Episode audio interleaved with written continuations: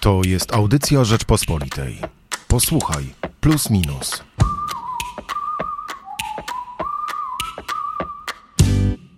Małe firmy, wielki problem. Pytamy o to na okładce najnowszego magazynu Plus Minus.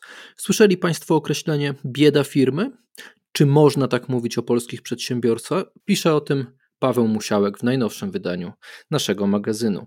A ja rozmawiam z Leszkiem Jażdżewskim, który zgłosił ostatnio postulat, by Leszkowi Balcerowiczowi postawić pomnik.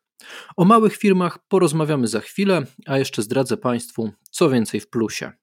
Otóż Piotr Zaręba przygląda się jednoczącej się opozycji, Łukasz Adamski podsumowuje pierwszy rok prezydentury Joe Bidena, czy Waszyngton przechytrzył Moskwę, a to już Jędrzej Bielecki o kryzysie wokół Ukrainy.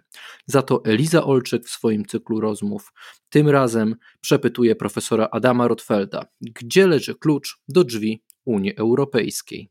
Tymczasem ze mną na łączach jest już Krzysztof Adam Kowalczyk. Dzień dobry. Dzień dobry Państwu. Szef działu ekonomicznego Rzeczpospolitej, więc z kim porozmawiać o polskich e, biznesmenach, jak nie z tobą? Jak pierwszy raz usłyszałeś słowo bieda firmy, to co sobie pomyślałeś?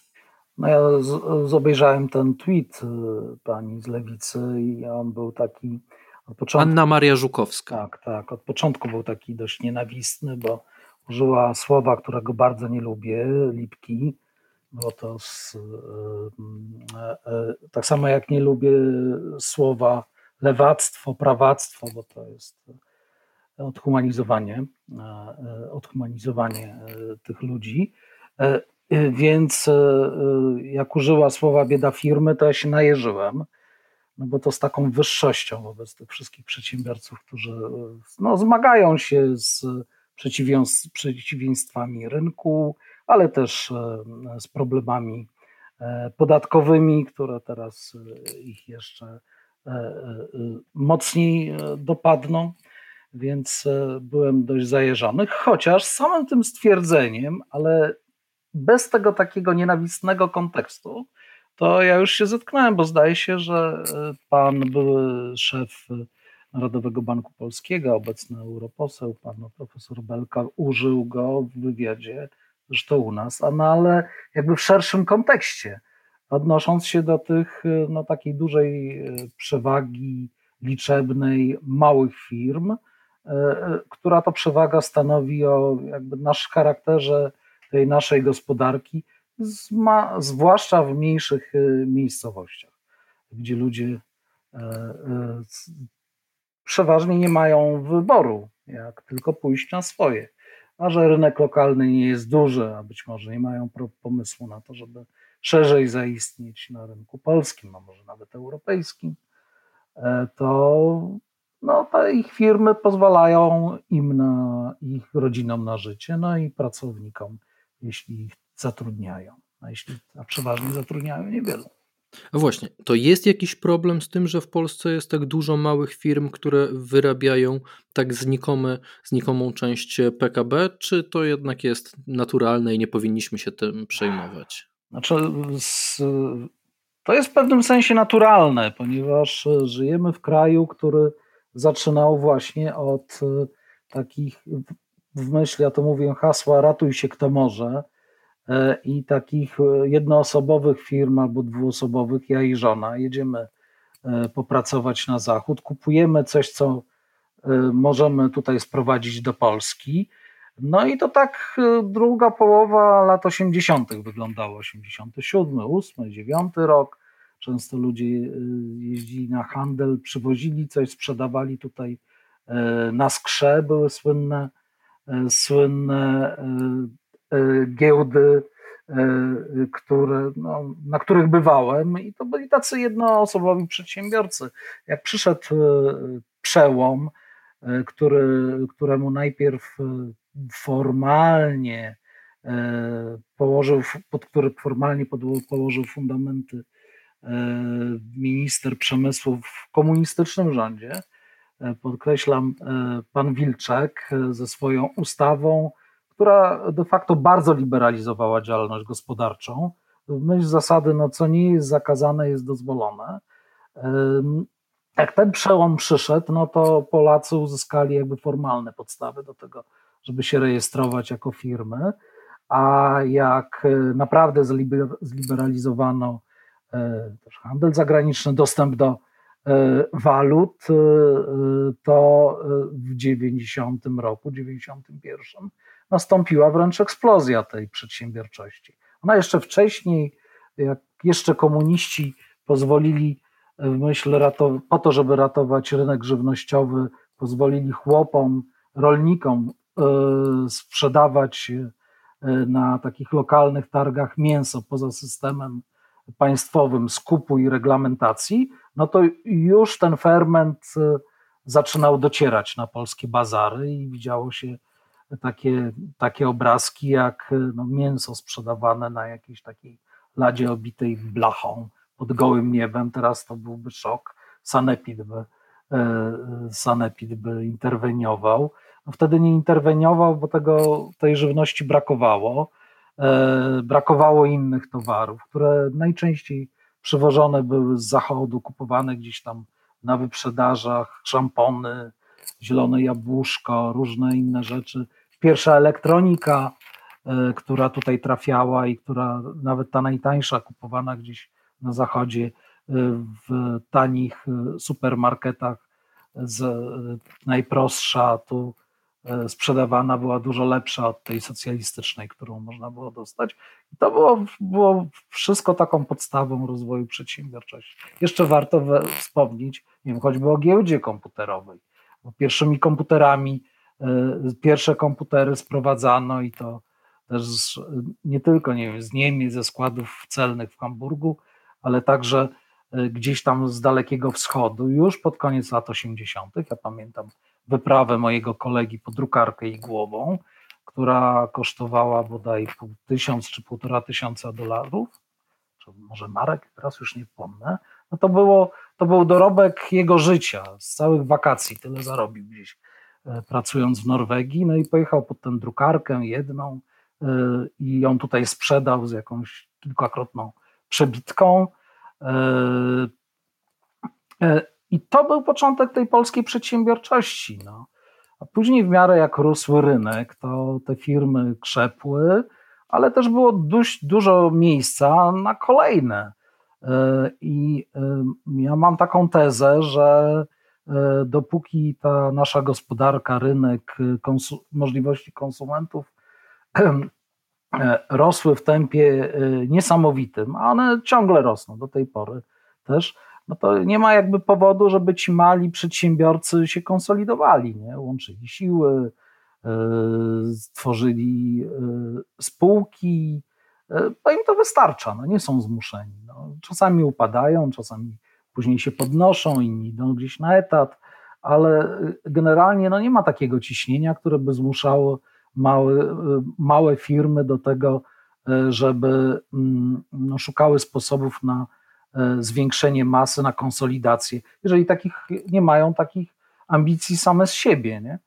E, w związku z tym, w związku z tym no, mamy taki, a nie inny udział tych małych przedsiębiorstw w polskim rynku. Dochodzą oczywiście jeszcze samozatrudnieni, albowiem praca u nas tradycyjnie ja mówię, że to skandal, żeby praca pracownika najemnego była opodatkowana. Mówię o podatku i, e, i składkach ZUS i NFZ e, na poziomie no, niemal takim jak wódka. E, to, to naprawdę zniechęca do tego.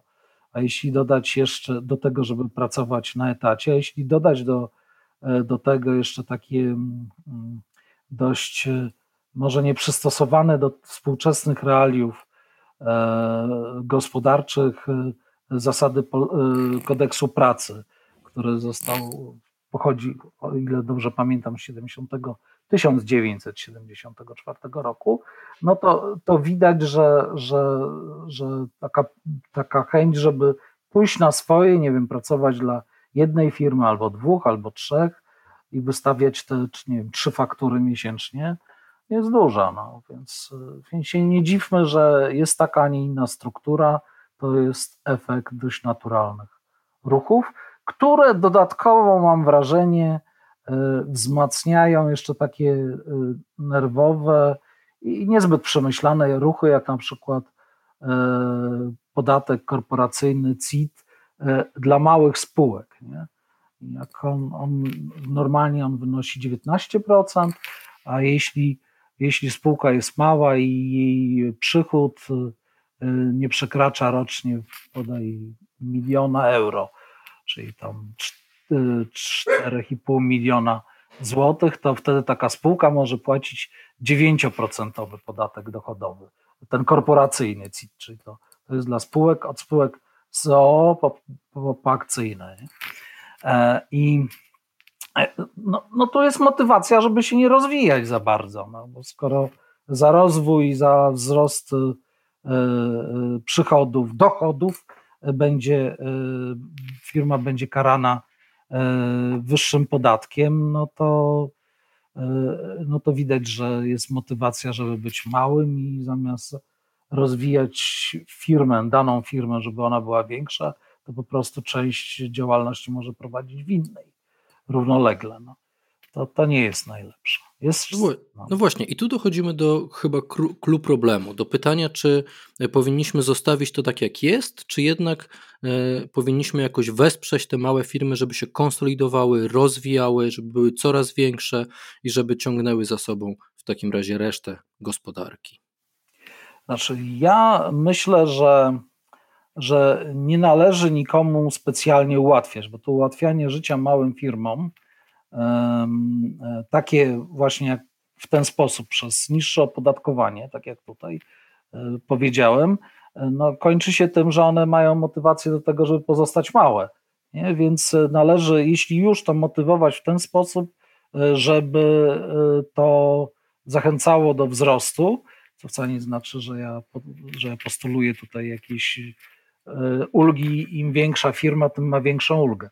Nie broń Boże, ale żeby to przynajmniej było e, neutralne e, ze względu na wielkość firmy. Owszem, mogą być takie ułatwienia na wejście w biznes, zwłaszcza z myślą o tych wszystkich młodych ludziach innowacyjnych, którzy często mają pomysły z nowych technologii, z oprogramowania. To te wszystkie ZUSy na start, no to one może, warto pozostawić. E, to nie, nie, niech to funkcjonuje. E, natomiast e, należy wszelkie ulgi i zmiany podatków tak kształtować, żeby nie zachęcać przedsiębiorców do pozostania na tym poziomie, na którym są, tylko żeby się w miarę możliwości rozwijali, żeby nie byli karani za rozwój. No i przede wszystkim, a to już dotyczy obecnej sytuacji, no nie robić takich historii, jak teraz z Polskim Ładem, które, e, które tak naprawdę utrudniają wszystkim e, funkcjonowanie, no bo czym się teraz zajmują przedsiębiorcy? Od tych najmniejszych, jednoosobowych, poprzez tam firmy zatrudniające zaledwie parę osób, po największe firmy. No wszyscy myślą, jak tu się wpisać w ten Polski Ład i co to on dla niego oznacza. 20 dnia stycznia większość Polaków nie wie, jakie zapłaci podatki. To jest skandal.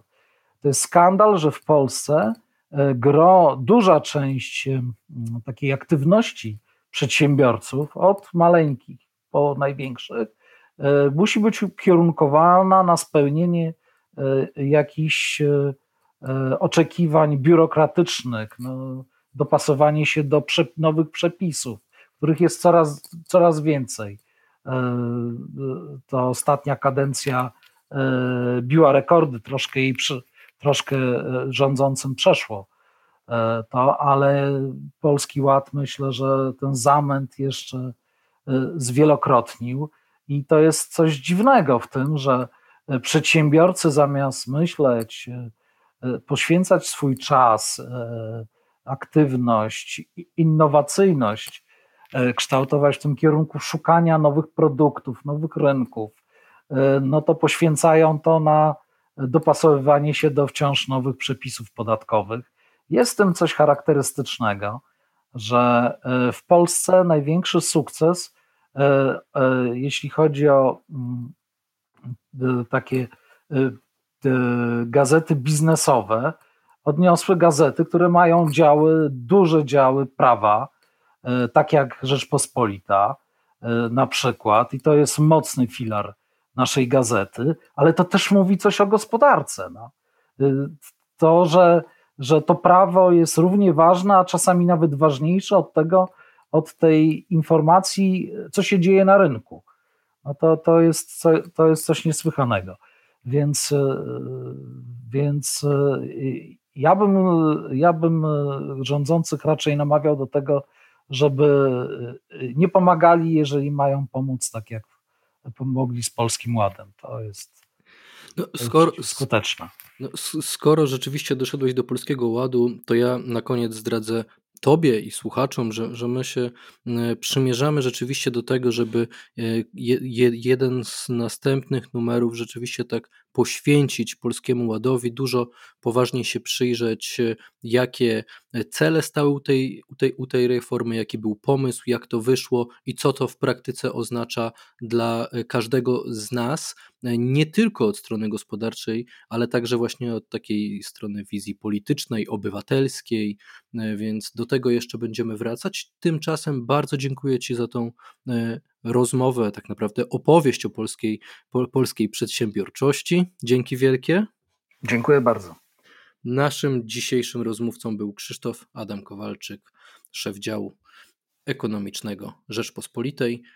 Ja nazywam się Michał Płociński. Zapraszam Państwa oczywiście do kiosków oraz na naszą stronę rp.pl, gdzie przyglądamy się polskim małym firmom, ale jak już mówiłem, nie tylko. Dziękuję. Do usłyszenia. Słuchaj więcej na stronie podcasty.rp.pl. Szukaj Rzeczpospolita Audycje w serwisach streamingowych.